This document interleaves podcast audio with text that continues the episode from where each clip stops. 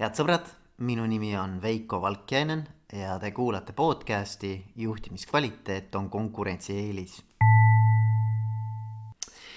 tänane episood on eriti äge, kuigi kõik mu episoodid on tegelikult ju erilised, siis tänane episood äh, on vast äh, üks viimase aja ägedamaid.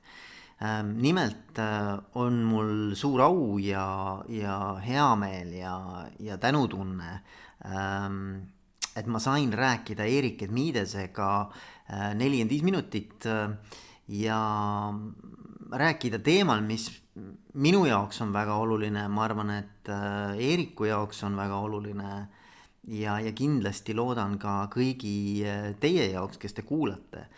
nimelt oskus siis ennast võimalikult selgelt, lihtsalt ja mõjusamalt väljendada Äh, rääkida lugusid, äh, anda edasi sõnumeid äh, viisil, mis siis oleks nii-öelda oodatud või soovitud mõjuga. ja, ja Eerik tuleb kahekümne neljandal augustil, see on juba kohe-kohe paari nädala pärast meile ka Eestisse, kus ta siis veedab sellise päevakese kõikide soovijatega, kes sellest teemast on huvitatud ja, ja räägib sellest, et kuidas siis saada paremaks äh,, paremaks esinejaks, paremaks eneseväljendajaks, paremini anda edasi oma mõtteid, ideid ja sõnumeid. ja, ja ma olen täiesti veendunud, et see üritus on äh, noh, ütleme teema mõttes kui ka selle koolitaja mõttes Eeriku näol üks parimaid, mida on võimalik maailmas täna täna saada, nii et selles mõttes koju tuuakse kätte tippkoolitaja maailmast. Äh, ja, ja teema on selline, mis võiks kõiki, ükskõik mis elualal, ükskõik mis äh, tööd või, või, või rolli täites, eks ju, tööd tehes või rolli täites, see võiks kõnetada. ja, ja meie vestlus ongi, meie vestlus Eerikuga kujuneski teemade ümber, mis siis võib-olla avavad natukene seda maailma. Ehm, nelikümmend viis minutit on küll üliväike, ülilühike aeg, aga ma arvan, et siit saab sellise hea tunnetuse, et, et mis sellelt päevalt võiks oodata. ja isegi, kui te sellele üritusele ei tule, eh, siis eh, seda podcast'i episoodi kuulates kindlasti saate ka juba palju häid mõtteid, kuidas oma esinemisoskust ja esinemis ütleme siis sellist võimekust ähm, ja valmidust äh, suurendada. ja kõigile neile, kes ikkagi siis otsustavad siiski ikkagi tulla äh, sellele kahekümne neljanda augusti üritusele, siis on ka välja panna Eduakadeemia poolt äh, selline sooduspakkumine kõigile kuulajatele, minu kuulajatele miinus kümme protsenti, mis iganes see pileti hind täna siis ka ei ole sellise sooduskoodiga nagu Veikoga paremaks. ja V on siis suurtäht ja P on suurtäht, Veikoga paremaks, kaks sõna kokku kirjutatuna. jätan selle sooduskoodiga siia selle episoodi äh, sissejuhatava teksti juurde, nii et saate sealt selle üle vaadata ja ära koppida, kui tahate ennast registreerida üritusele. ja lähen ise kohale kutsun kõiki teid ka ja olen täiesti veendunud, et sellest üritusest saab üliäge äh,, üliäge päev, nii et äh, näeme seal, tšau. Hi, Eric. Hello, hello. Good to be here. How are you? Good. I'm very good. I'm very good. So um, here in Estonia right now, it's 8:30 p.m. What, what's what's the time zone you are in right now? It is uh, 1.30 in the afternoon. Beautiful and sunny, and very different. yeah, you can see. I mean, the, the sunlight you have, and I have a sunset here at the moment. So, yeah. But anyway, I, I'm, I'm so, as I said already before, I'm so grateful and happy that um, we have a chance to, to chat today. And uh, I've been following your work a bit, not too much, but lately more and more. Um, I was in Haapsalu. I saw you um, on the stage. Yeah. Okay. Just a couple of weeks ago I was on the stage as well, by the way. Uh, oh, yeah, yeah, later. Um, so uh, amazing event, of course. Uh, thank you so much, Roland, and all the all the all the team that put it together.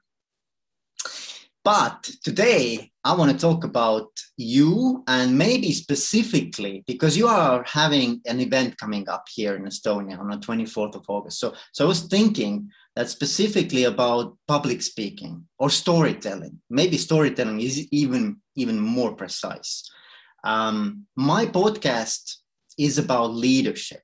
You know, in a way, everything is about leadership, but um, it's about um, self-development as a leader and also you know leading teams leading organizations uh, and what kind of different skills competencies um, what makes a good leader in a way? That that's that's my podcast all about.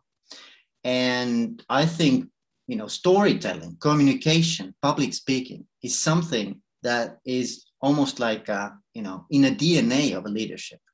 So yeah.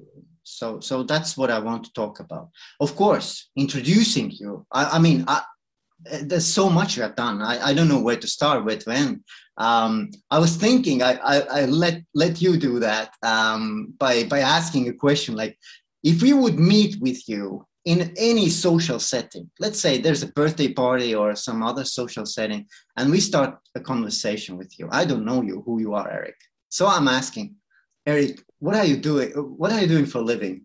You know, what what's what's the thing you would you would answer? Well, the first thing is I, you know, I, I don't do anything for a living. I do things for passion. Uh, okay. Uh, you know, I, I, eat for a living. Maybe I exercise for a living. I um, I, I sleep well for a living but but what I really do is uh, is follow my passion, and I and I and and so when people ask me, you know, like what is my sort of purpose and what am I out there doing, I, it's very simple to me. As a young man, I gave myself three gifts. I gave myself the gift of health. I gave myself the gift of competent, competent and confident communication and storytelling, public speaking, and I gave myself the, the, the, the gift of financial freedom through entrepreneurship. And so, about ten years ago, I made the decision to give those gifts back. And so that's what I do today. I, I, I educate and inspire, empower people to uh, improve their relationship with their health and their food and their and their diet. I I, I, help people in becoming more effective communicators, and I help people build businesses that don't take over their lives, that give them a real sense of freedom. Yeah, awesome, very nice. Yeah, and and uh, just a couple of programs you you have either founded or created with others. Uh, one is WildFit. That's also quite known in Estonia. Um, there's Business Freedom, one program you're also a creator of. And um, there's a bunch of others probably which i don't know. Yeah so. Well yeah wildfit is our business that deals with um, in a very real sense uh, um, lifestyle enhancement. It's like how do you change your relationship with food and exercise and and create a more optimal physical experience? That's what help wildfit is all about. And we have a number of different programs that sort that, that support people in achieving those goals Business Freedom is our business education school. So we teach entrepreneurship and marketing and, and, and leadership all through the lens of business. And we do that through businessfreedom.com. And then, of course, our other brand is Speaker Nation. And Speaker Nation is about um, learning how to become an effective communicator, speaker, author, influencer, so that you can get your message out in the world, whether you're a business leader or a politician or a social activist or a parent. Yeah, yeah. Okay, cool. Um, and the event that's coming up on the 24th of August, is that part of the Speaker Nation? Uh, that is, that's yeah, that's part of Speaker Nation. The talk, the, the, the workshop that we're doing with Edu Academia, Roland is the uh, promoter. He's a very good friend of mine and my favorite promoter that I've worked with for sure. Awesome. Um, he is. Uh, he asked me to come. I, you know, I had just been in Tallinn speaking at the Mindvalley University, and I did a a big presentation on public speaking. And it was the highest rated uh, uh, session of the three week university program. So Roland came to me and said, Can we do a one day workshop right here in Estonia?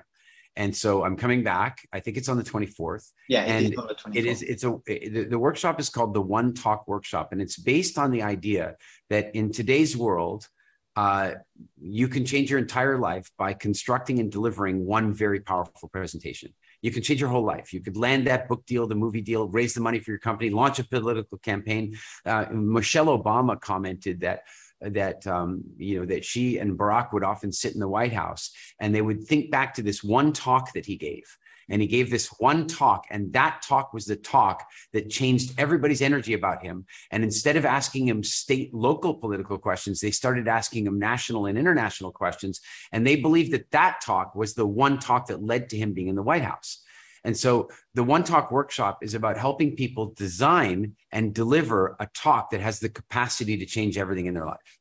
Oh, yeah, great. Yeah, you could even start a war with a talk. You can end a war too.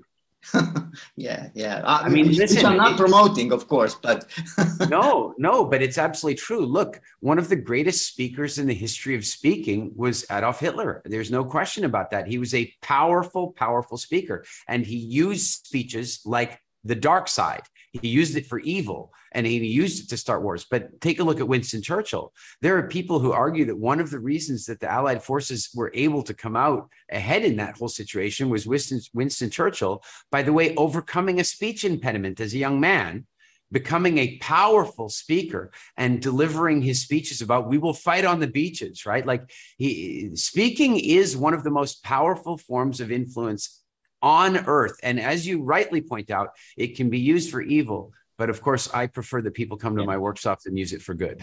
sure, sure. Yeah. And I remember actually, I, I was studying years, years ago, Jack Welch. And I yeah. he was stuttering and he was really afraid of public speaking at first. Yeah. Yeah. yeah. So was so John F. Kennedy. What? Ah, okay. I didn't know that. Yeah. Yeah. yeah. yeah. So let's talk about um, public speaking and and storytelling. And this this is fascinating area i think. Um, you have argued or or you state that everybody can be a effective public speaker. I know a lot of people who would say this is just not in me. So how can you convince or you don't have to convince but but let's let's discuss this. Like is it something that can be learned Okay. Let me start with just fundamental proof of the argument. Nobody is born afraid of public speaking. Now, there are some fears that humans are born with. We're born afraid of the feeling of falling. We're, we're born we're, we're born afraid of loud noises. Can you know we can be startled, right? So there are some natural fears, but we are not naturally afraid of public speaking. And the proof of this is get on any plane with a two-year-old None of them are afraid of public speaking. They will say what they want to say and they'll say it the way they want to say it. But at some point between 2 and 32, a series of events take place, a series of things happen. And those things are oppressive parents, misguided teachers, strange social circumstances. Uh, those events then lead to the development of the ego shell. They lead to the development of a correct version of yourself that you have to show the world. And so now people start living with this correct version of themselves. And, and you can see that in different countries, that correct version can be more or less stiff. I will say, having spent the last many, many of the last eight, yeah, I've, I've spent a, I've been in Estonia now for eight years, traveling there regularly for eight years. And what I've noticed about Estonians is Estonians, when you first meet them, it's like it's right there in the name, Estonian. It's like very structured and rigid and so on. But the truth is, is once you get to know them, they release that. And there's some of the like my I some of my my hell my life partner is Estonian like I, some of the warmest most loving people ever but that that shell that they have to put on when they have to speak in front of a crowd or something makes them talk incredibly rigidly and da da da da da. And so what I'm trying to say is that the the child that's in there that was always a natural communicator communicator is already still in there. Hmm. So it's not that you have so much to learn to become a great speaker, it's that you have so much to unlearn. And that's why if you want to become a world-class golfer, you're going to have to spend 10 years and a huge amount of training. But if you want to become a world-class speaker, you can accomplish that in even a week. You can actually accomplish the main changes in a course of a week. Now, I'm not saying there aren't enhancements and skills and practice that'll make it better and better and better, but let me put it to you this way. You've been to a conference. I bet you, I bet you you've been to a conference where the majority of the speakers were boring. Is that fair to say? Yeah, yeah. Some of them definitely. Yeah, yeah. Yeah. Yeah, it's it's the ones that shine against that boringness that makes the whole conference work sometimes. But very often, particularly business conferences, people are up there and they're they're they're droning, they don't use their voice, they're stuck in their ego shell and they're not delivering very well. You can change that in a human being in a week by working on their psychology and understanding how they became afraid of speaking in the first place or how they became uncomfortable speaking. And, and in that moment, they can already become a way above average speaker. Then, if they want to become world class, yeah, there are skills and there's practice that'll get them there. But anyone can do it. And I, I will tell you, I did not always believe that. I didn't believe I could do it. I certainly didn't. And then when I first started teaching speaking, I was in Stockholm. No kidding. I'd been, I'd done some coaching with people, but I was in Stockholm and I was teaching a program in Stockholm. And there were two guys that were in that event that were never going to be a good speaker. I mean, no way were they going to be a good speaker. The one guy was a Swedish guy and he had no personality. Like, you know, when John Le Carre writes those spy books, he always says, like, spies don't look like James Bond. Spies are the kind of guy that walk into a room and nobody even notices them. This guy from Sweden, he was that guy. He would have been a great spy. he, he, was, he just didn't even show up on the radar. And, and, and there's no way he was going to be a good speaker. And then he went through this process. He has now, and I don't know lately because I haven't bumped into him lately, but about two years after or three years after he'd done the program, I heard from the team that he had won three national comedy championships oh. at Toastmasters in Sweden. That comedy's the hardest of all. Yeah, and yeah. he won three national championships. This was a guy that had the total ego shell on, no personality. And the other guy, funny enough, was an Estonian guy, very successful, interesting guy in Estonia, uh, uh, entrepreneur, business leader. And he was like, I am Kurt. I am only speaking like this. and that was it. And by the end of the five days, he was telling stories, laughing, playing, having fun. And to this day, not only does it affect his above ability as a public speaker, but it affects even the way he is at dinner. He, yeah, yeah. He's warmer. He's he's open. And that's because that's how we want to live. And by the way, one last thing on this, sorry, long answer. That's one of the reasons people like alcohol so much because alcohol lets them become more free. Alcohol lets them become a better storyteller. Yeah, but what if we could do all that without the alcohol? And we can. Yeah, yeah, yeah, yeah, yeah. There's so many uh, different uh, leads that you gave me now uh, to to question further. Um, one thing I wanted to point out: Have you met Finns? I mean, Finns are even more shelled than Estonians. uh, I have spoken all over the world, and I will say that one of the toughest audiences I ever faced was exactly that in Finland. But I'll tell you how I got through to them. I, I got through to them like this. I said, "You guys," I I, I said, you know, uh, before I get started, I want you to know that we're gonna have a lot of fun. I was in I was in I was in Denmark, and I was speaking in Denmark, and the Danish were very proper and stuff. And I told them you know, we should have we should have more fun. We should be more interactive. And they said, well, we're Danish. And if you don't like it, wait till you go to Norway. And so then I went to Norway and they were even more stuck and more stiff. And I was like, oh my God, you guys, it would be more fun if we were interactive. And, the Norwegians said to me, well, if you don't like it, wait till you go to Finland. And then I said to the Finnish, you know the same and they laughed and i had a great time with them and so on and the truth is is that all that happens is that each one of our cultures we have what we, we want to fit in. Yeah, and yeah. so the finns the finns are very they were taught this in school. They sit they're very well behaved but then they don't emote a great deal until you create permission for them to. And if you do that effectively they become one of the best audiences you could ever have. Yeah yeah of course. I mean i, I truly believe eric i truly believe that we all have the same warmth inside and the same need for you know this social kind of a bonding and and you know to have that feeling of uh, connectedness. Everybody everybody has that. But it's just as you say it's a cultural conditioning right? So it's it's yeah. in some cultures it's it's more permissible in other cultures less right? Yeah. Yeah but but uh, let let's scratch that surface further. Like um so okay i'm on the stage i have to give a speech right? I'm in that moment. Everything is blank right? So um, i've had that these moments as well um, where i feel like okay i don't know what to say now. So so what's happening with me? Can can you you know like can you can you somehow elaborate on that? Have you had that, these experiences yourself? I absolutely absolutely. I, I i absolutely have had those experiences. So um, let, us talk a little bit about the type of memory that people use when they go on stage. The biggest mistake that people make when they're preparing a speech is that they write the speech out. Uh, they write the speech out and then they practice the speech and then they read the speech and then they practice the speech. And that's the hugest mistake. And the reason that that's a big mistake is that when you write a speech out, you use a different type of language pattern than you speak with. So now you're going to end up trying to give a speech in written language, which is going to break authenticity and it's going to feel funny for you and the audience. But the second problem is is that you're going to create a type of memory that is not functional on stage and it's called linear memory.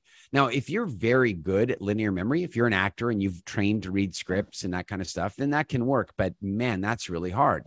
So the trouble with linear memory is is that you're giving your speech and then all of a sudden if you forget one thing, you yeah. basically end up forgetting everything because the memories were linked together in a linear way. I, I, remember A comes before B, comes before C, comes before, but try to get somebody to start the, ele- the alphabet at M. It's like, well, no, no, no, I have to go A, B, C, D, you know. so, so writing out the speech, that's that's the first problem that that can create that. So in Speaker Nation, we teach people a model that we call speech mapping. And speech mapping is a highly effective way of creating a talk where you would never need to use notes ever again. You would never be dependent upon your slides, and your talk would be very time flexible. So if they suddenly knocked 15 minutes off the clock, you would be able to finish on time. Equally, if they added 15 minutes on the clock, you'd be able to do it perfectly and without needing to use notes or anything like that. And that's because we use a different type of memory. We use experiential memory and and and so that makes that problem go away in most cases that said it can still happen and here's what's really crazy when somebody runs into that they blank out for a second on stage they begin to panic and panic is the worst thing because the minute you begin to panic, you start producing adrenaline and cortisol. Adrenaline and cortisol make you faster and stronger, but they make you dumber. they, they, don't they don't make you smarter. They don't make you better able to speak. They make it harder for you to speak. They make it harder for you to formulate your thoughts in words and what have you. And so, one of the things I learned very early on is just to ask the audience, where was I? I just do that. I'm like, yeah, where was I? And you know what's crazy? I do that sometimes anyway, just for fun, because it makes the audience feel interactive. Like if you're if you're in Estonia or you're in Finland and you want the audience interactive, you got to get them in and you go, oh, where was I? And now they're kind of like, well, if I don't say anything, he's stuck. And so then it forces them to interact with you. You you might have known where you were the whole time, but what's amazing is is that if you do that, if you ever do lose your place, then you trust that the audience is there with you. And I'll tell you something, audiences love authenticity. I'll tell you right now, an audience would rather watch a speaker who's speaking their authentic truth and then forgot the way they were going and said, Hey, where was I going? than somebody who was going by rote word for word and following a script they memorized.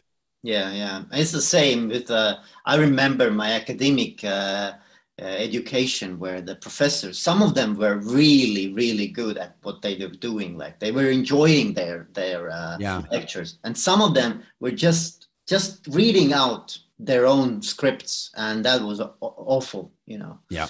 Um okay okay okay. Yeah yeah i think engaging audience is is a really good way of, of getting away with away from the, those moments and and uh, getting also audience more energized right in tune with you. And as you say authentic authenticity.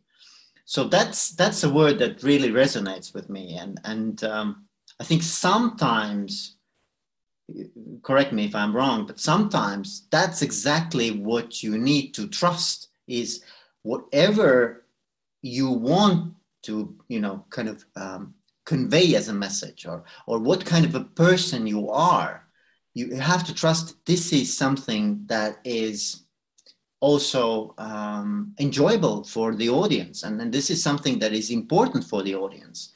And you don't have to be anyone else, anybody else than you are you know, um,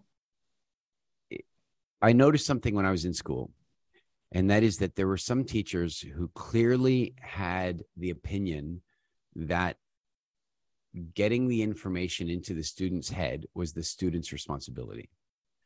They, they, the, the teacher believed that learning was the student's responsibility. But I also had teachers that I could tell had a different opinion. And their opinion was that getting the information into the student's head was the teacher's responsibility. Mm. Now, the truth is, in a good learning environment, both people should be taking responsibility. The teacher should be taking responsibility to make the information as easy as possible to process, and the student should be doing the best they can to integrate it. But it starts with the teacher. These days, you've got all these kids with, you know, uh, immune or sorry, not immune, but uh, attention deficit disorders, right? Well, I would say to you that largely that has to do with a different syndrome called boring teacher syndrome. Mm-hmm. and that is exactly what you've described the teacher who's just reading their script and you know just droning on and basically putting people to sleep. Whereas a teacher who becomes very good at storytelling a teacher that is able to evoke emotional response in the students is the teacher that those students will remember for years to come. When i was 9 years old 8 years old I was in what we have in Canada called grade three. So you we start school at five in Canada, and, and so by the time I'm, I'm, I'm now in grade three, and I have a teacher. His name is Mr. Kulczynski, and Mr. Kulczynski was a phenomenal storyteller. He he came he uh, like uh, uh, one day he walked into the class and we all had our feet up on the desks because he always used to put his feet on the desk, and he laughed at us. He knew we were teasing him, but then he told us what happened. And he told us about this car accident that he was in, and he told us what happened and how the surgery went. And the reason he has to put his foot up on the desk like that is that he has a pin in his leg and it's it's too long. But the way he told the story the other day, I was on stage teaching about speaking and I told the story. Now, remember, I learned this story when I was eight. I'm still able to tell the story.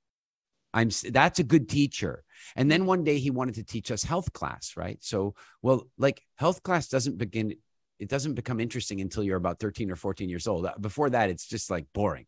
So he's coming in to teach us a health class. But what did he do? He told stories and he went onto the chart on the you know this is 1977 1978 the biggest thing in the world in 1977 78 was star wars right? Mm-hmm. now, you know i know you guys are still behind the curtain back then but but it was star wars. That was and not that star wars not the bad ronald reagan star wars the fun george lucas star wars. Yeah. and uh and and so what did he do? He drew on the blackboard the bad ships and the good ships like the spaceships. He drew them and he drew them on the board. And then he started telling a story about how the bad ships were like bacteria and viruses and germs. And the good ships were like antibodies. Uh, that's when I first heard the word antibody. I was eight years old. I still to this day, I've known the word antibody since I was eight because of the way he told that story.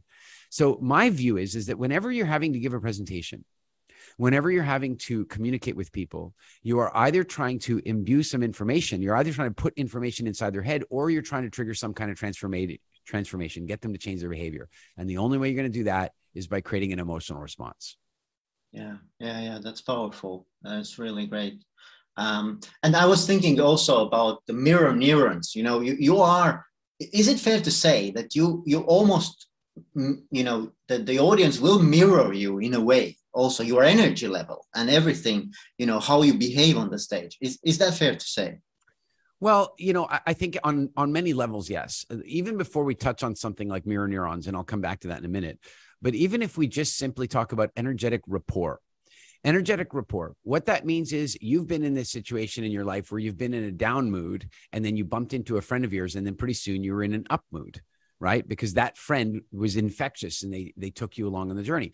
But we've also had the opposite happen where you've been in a really good mood and then somebody in your life came in they were a downer and they brought you down right? So this is this is a case of what we might call pacing and leading where somebody can lead you to where they are. Well as the speaker you want to do that.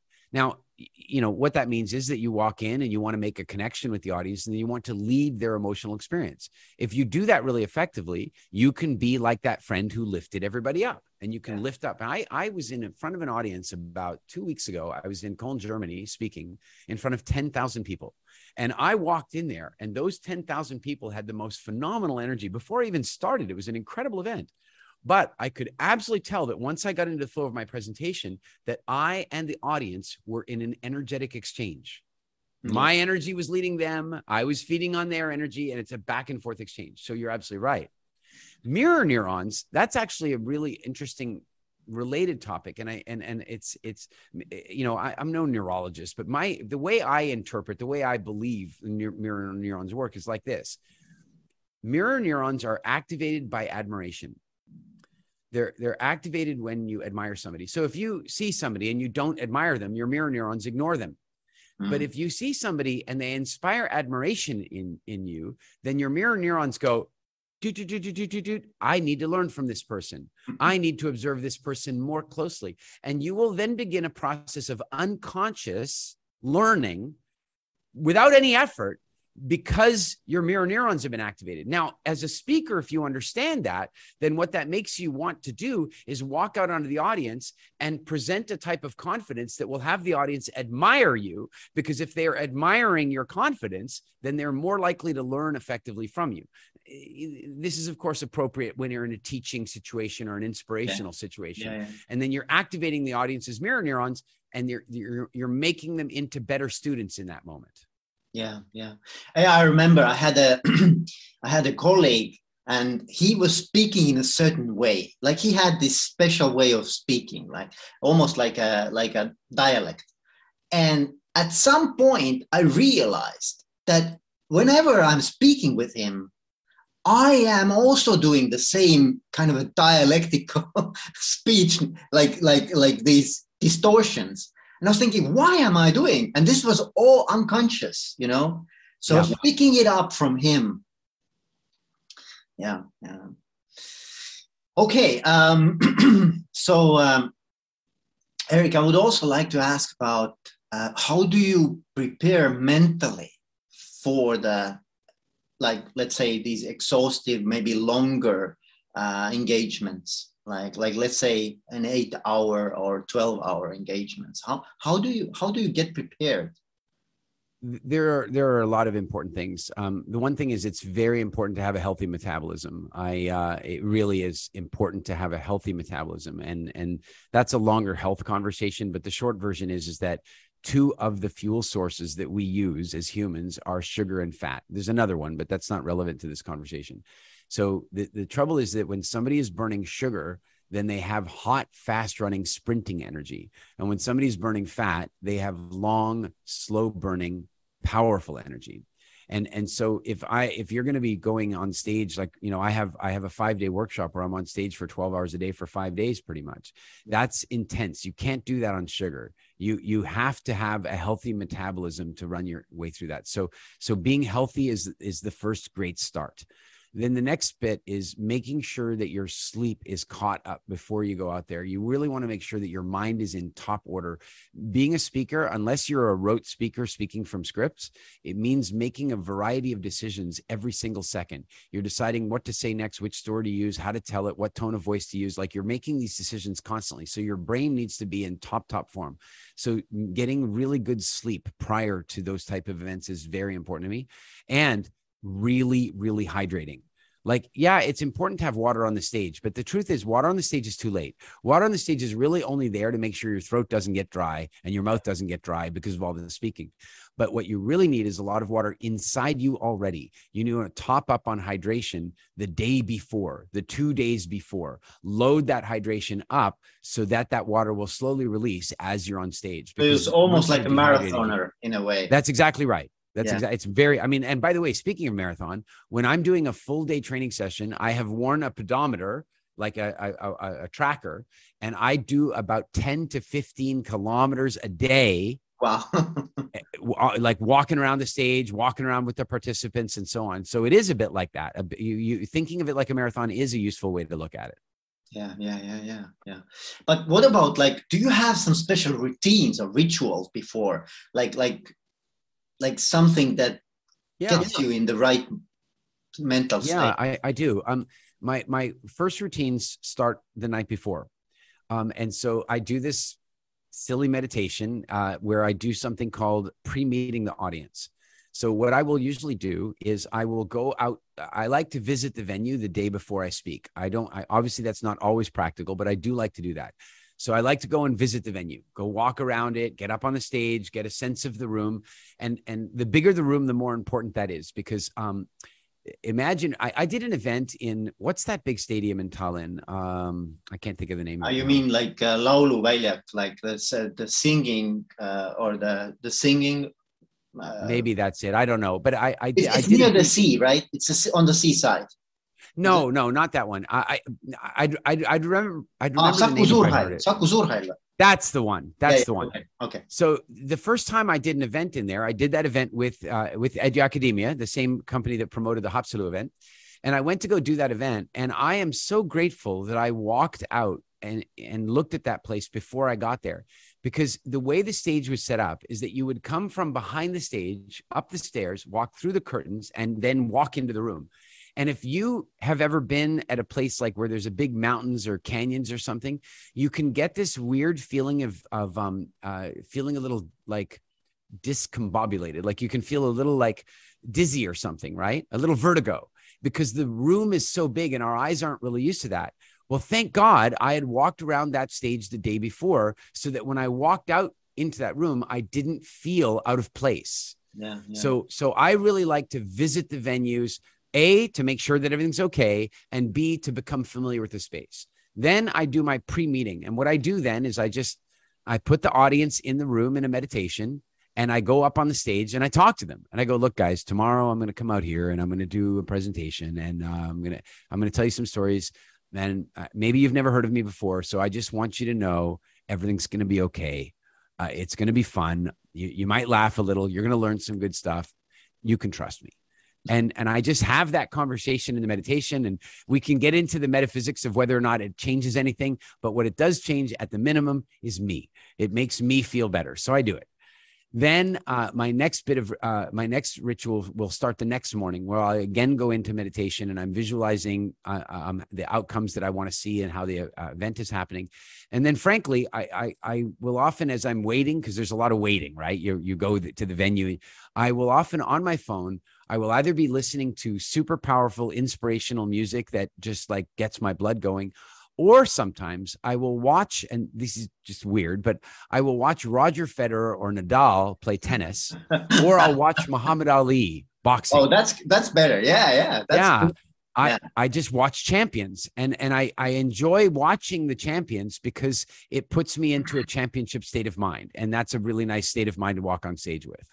So you believe in visualization in a way, yeah? Abs- uh, yeah, yeah. I, I believe in visualization the way I believe in gravity. It's there's no, okay, like, cool. Yeah, yeah, yeah. yeah, Okay, okay.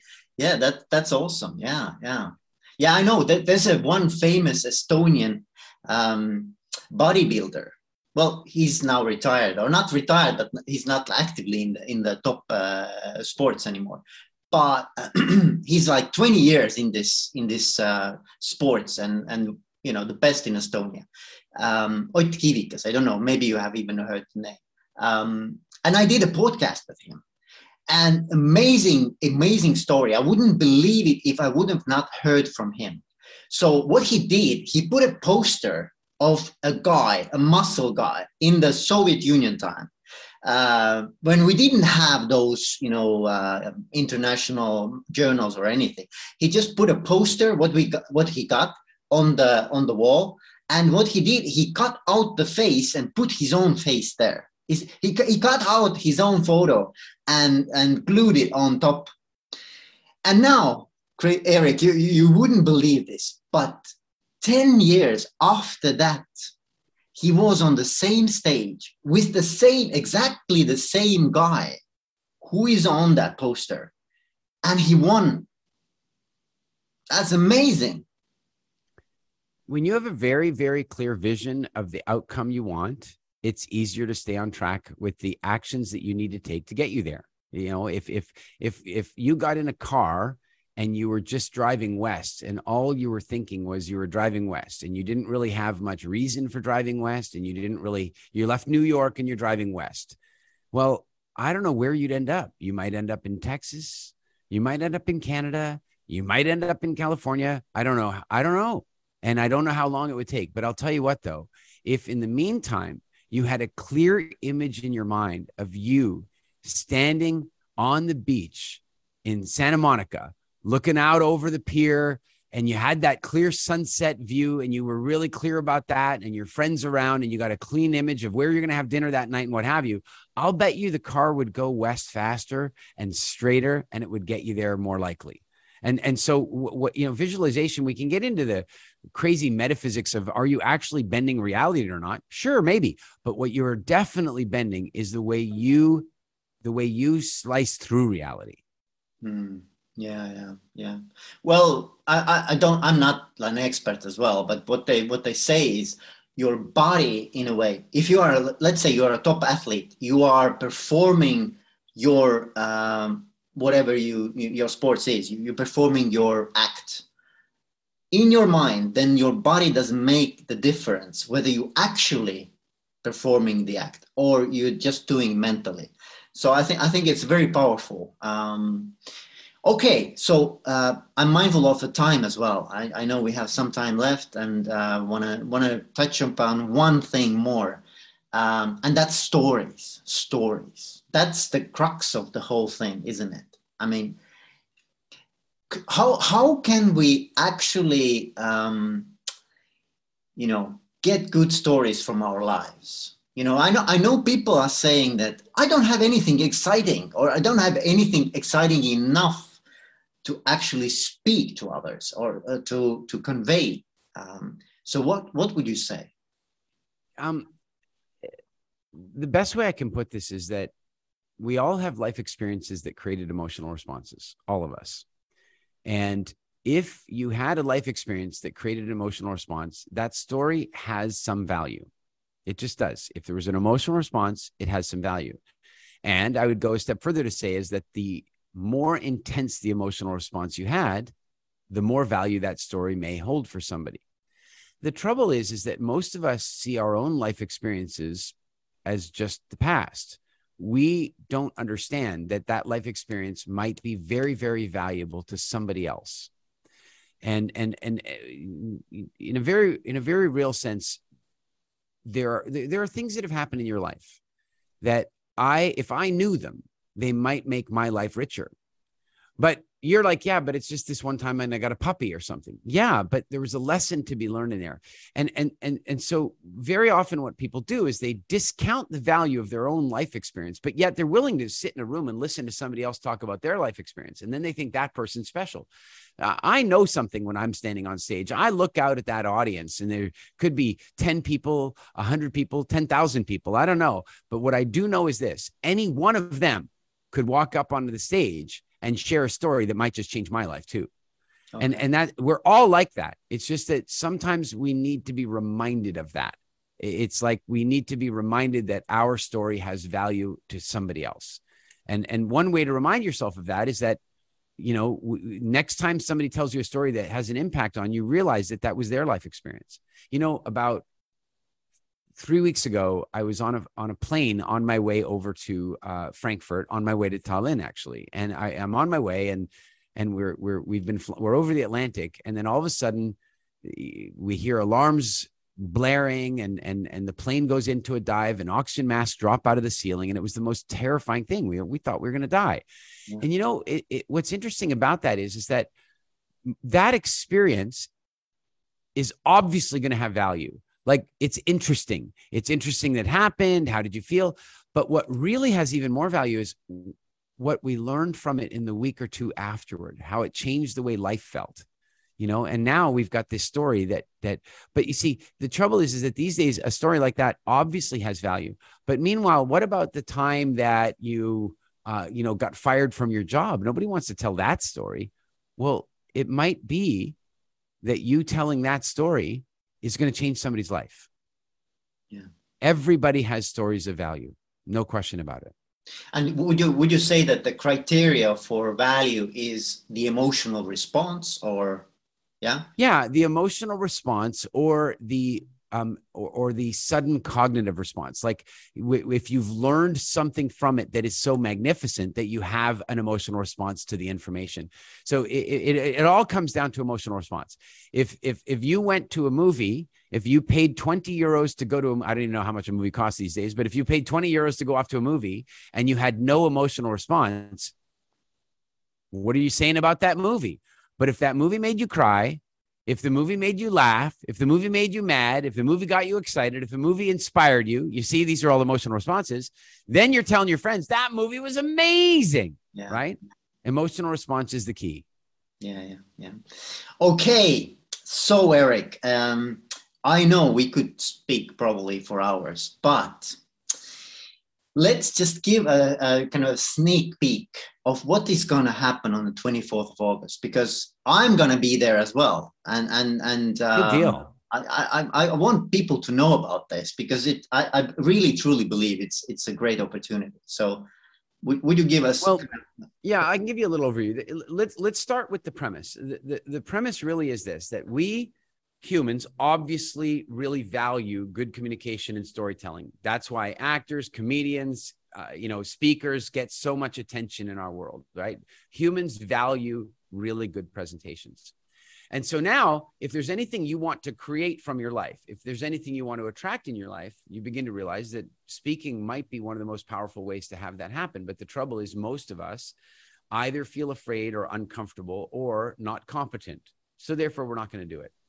What's going to happen at our workshop is we're going to go through the key principles that help people become comfortable with speaking so that they can can so that they can walk into a room and share their thoughts and ideas without being afraid. And then i'm going to show the formula that i use for designing talks so that people can design an effective talk where they don't need to use notes and they don't need to use slides and they don't have to use their memory in the old style way. They're going to use their memory in a way that's just simple and easy then we're going to go into some work on actual storytelling, like how do you tell stories in a way that evokes emotions for people? And, and I can tell you what it's going to be like for, for you know what, what people are going to walk away from this workshop with is, is, is really two core things a clear understanding of my formula for conducting talks and potentially the framework for a talk that they might deliver that just might change everything for them. Awesome. Awesome. Great stuff. I'm looking forward to that, Eric. Um, it's gonna be fun. It's gonna be fun, yeah. And I have actually, I'm, I'm also putting in my my podcast notes. I have a promotional code which, if you use, you can get ten percent off. So good deal. Good Excellent. stuff. Good stuff. Okay, Eric. Thank you so much. Was really pleasure to meet you, e meet you, and uh, have a have a you know short chat. And uh, you never know how life will bring us together again. So sounds good. See you in a few weeks in Tallinn. Yeah. Have a nice evening or day. Cheers, bye. bye.